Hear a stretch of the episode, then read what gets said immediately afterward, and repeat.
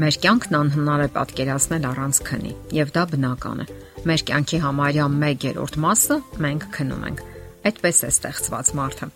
որpիսի հանգստանա եւ վերականգնվի, պատրաստվի նոր օրվան եւ այդպես ամեն օր ողջ կյանքի ընթացքում։ Այսօր հատկապես շատ կարեւոր է քնի դերը, որովհետեւ սոցիալական եւ հոգեբանական մեր օրյա կյանքը իսկապես լուրջ հանգիստ է պահանջում եւ այնուամենայնիվ մարդիկ փորձում են շատ բաներ անել հենց քնի հաշվին։ Նրանք կրճատում են իրենց քնի առանց այնել խղճուկ չափաբաժինը եւ իհարկե կանգնում են հիմնախնդիրների առաջ։ Նշանավոր գրող Ջեք Լոնդոնը Մարտին Իդեն իր նշանավոր ստեղծագործության մեջ նկարագրում է, թե ինչպես հերոսը փորձելով հաջողության հասնել գրական ասպարեզում, ինչպես նաև գումար վաստակել, հսկայական ժամանակ է վատնում թե անընդհատ սովորելու եւ թե գրելու վրա։ Եվ այդ ամենն անում է իր քնի ժամանակի հաշվին։ Աստիճանաբար կրճատելով քնի տևողությունը,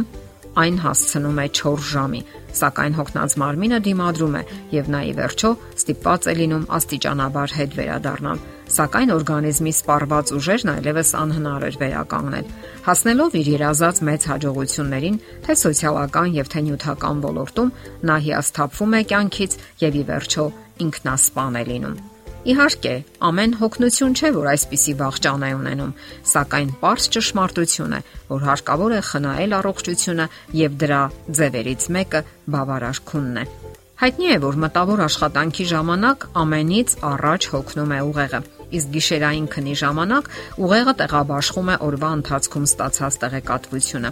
Ընդ որում, մի մասը ուղղելով դեպի երկարատև հիշողություն, մի մասը մոտակա օրվա գործունեության ծրագիր, իսկ ոչ պետքական տեղեկատվությունը նա ջնջում է հիշողությունից։ Ահա թե ինչպիսի բարդ աշխատանք է կատարվում ուղեղում նույնիսկ քնած ժամանակ։ Եվ ահա թե ինչու կարևոր է, որ քնելուց առաջ չզբաղվեք մտավոր գործունեությամբ, որpիսի քունը կազդուրի եւ վերականգնի օրգանիզմի կորած pašարները։ Պատմությանը հայտնի են մարդիկ, որոնք անքուն մարդու համբավ են ունեցել։ Օրինակ Թոմաս Էդիսոնը, Նապոլեոն Բոնապարտը, Պետրոս Արաչինը։ Սակայն սրանք ավելի շուտ շեղումներ են եղել եւ չեն կարող օրինակ ծառայել։ Բնականon պայմաններում ամենից շատ քնում են նորածինները։ Նրանք կարող են քնել օրական 16-ից 20 ժամ, իսկ երեխաները քնում են 10-ից 12 ժամ։ Մեծահասակները պետք է քնեն օրական 6-ից 8 ժամ, կախված անհատական առանձնահատկություններից, սովորություններից եւ այլն։ Իսկ որքան ակտիվ ու երանդուն է աշխատում ուղեղը, այնքան շատ է քնի կարիք զգում նա։ Փոքրիկ երեխաների մոտ այդ ակտիվությունը երկու անգամ մեծ է։ Այդ պատճառով էլ նրանք ավելի շատ են քնի կարիք զգում։ Փորձերի արդյունքում նաև ողջվել է, որ մահացության տոկոսն ավելի ցածր է նրանց մոտ, ովքեր քնում են օրական 7 ժամից ոչ պակաս։ Այստեղ կարևոր է նաև հետևել սեփական ինքնազգացողությանը։ Եթե մարդն իրեն լավ է զգում 7 ժամյա քնից հետո, ապա կարիք չկա պարկած մնալու, ասենք 9 ժամ։ Լավ քնին նպաստում են բավականաչափ գործոններ, որոնցից են ննջասենյակը, հոգեկան վիճակը, սովածության կամ կշտության զգացումը եւ այլն։ Օրինակ, ննջասենյակը պետք է լինի հարմարավետ, հաճելի։ Կարևոր են թե ջերմությունը, թե լուսավորությունը, թե աղմուկը։ Իսկ նախքան մարճակալին մոտենալը անհրաժեշտ է մոռանալ բոլոր հոգսերն ու մտահոգությունները։ Եթե դուք դժվարությամբ եք քնում, փորձեք հասկանալ պատճառները, ձեր օրգանիզմի հիմնախնդիրները։ Պատճառները հաճախ շատ པարզ են լինում։ Այնպես որ կարիք չկա ամեն հասարակ առիթով դիմելու քնաբերի օգնությանը։ Դա կարող է դառնալ ված սովորություն եւ լուրջ հիմնախնդիրների պատճառ։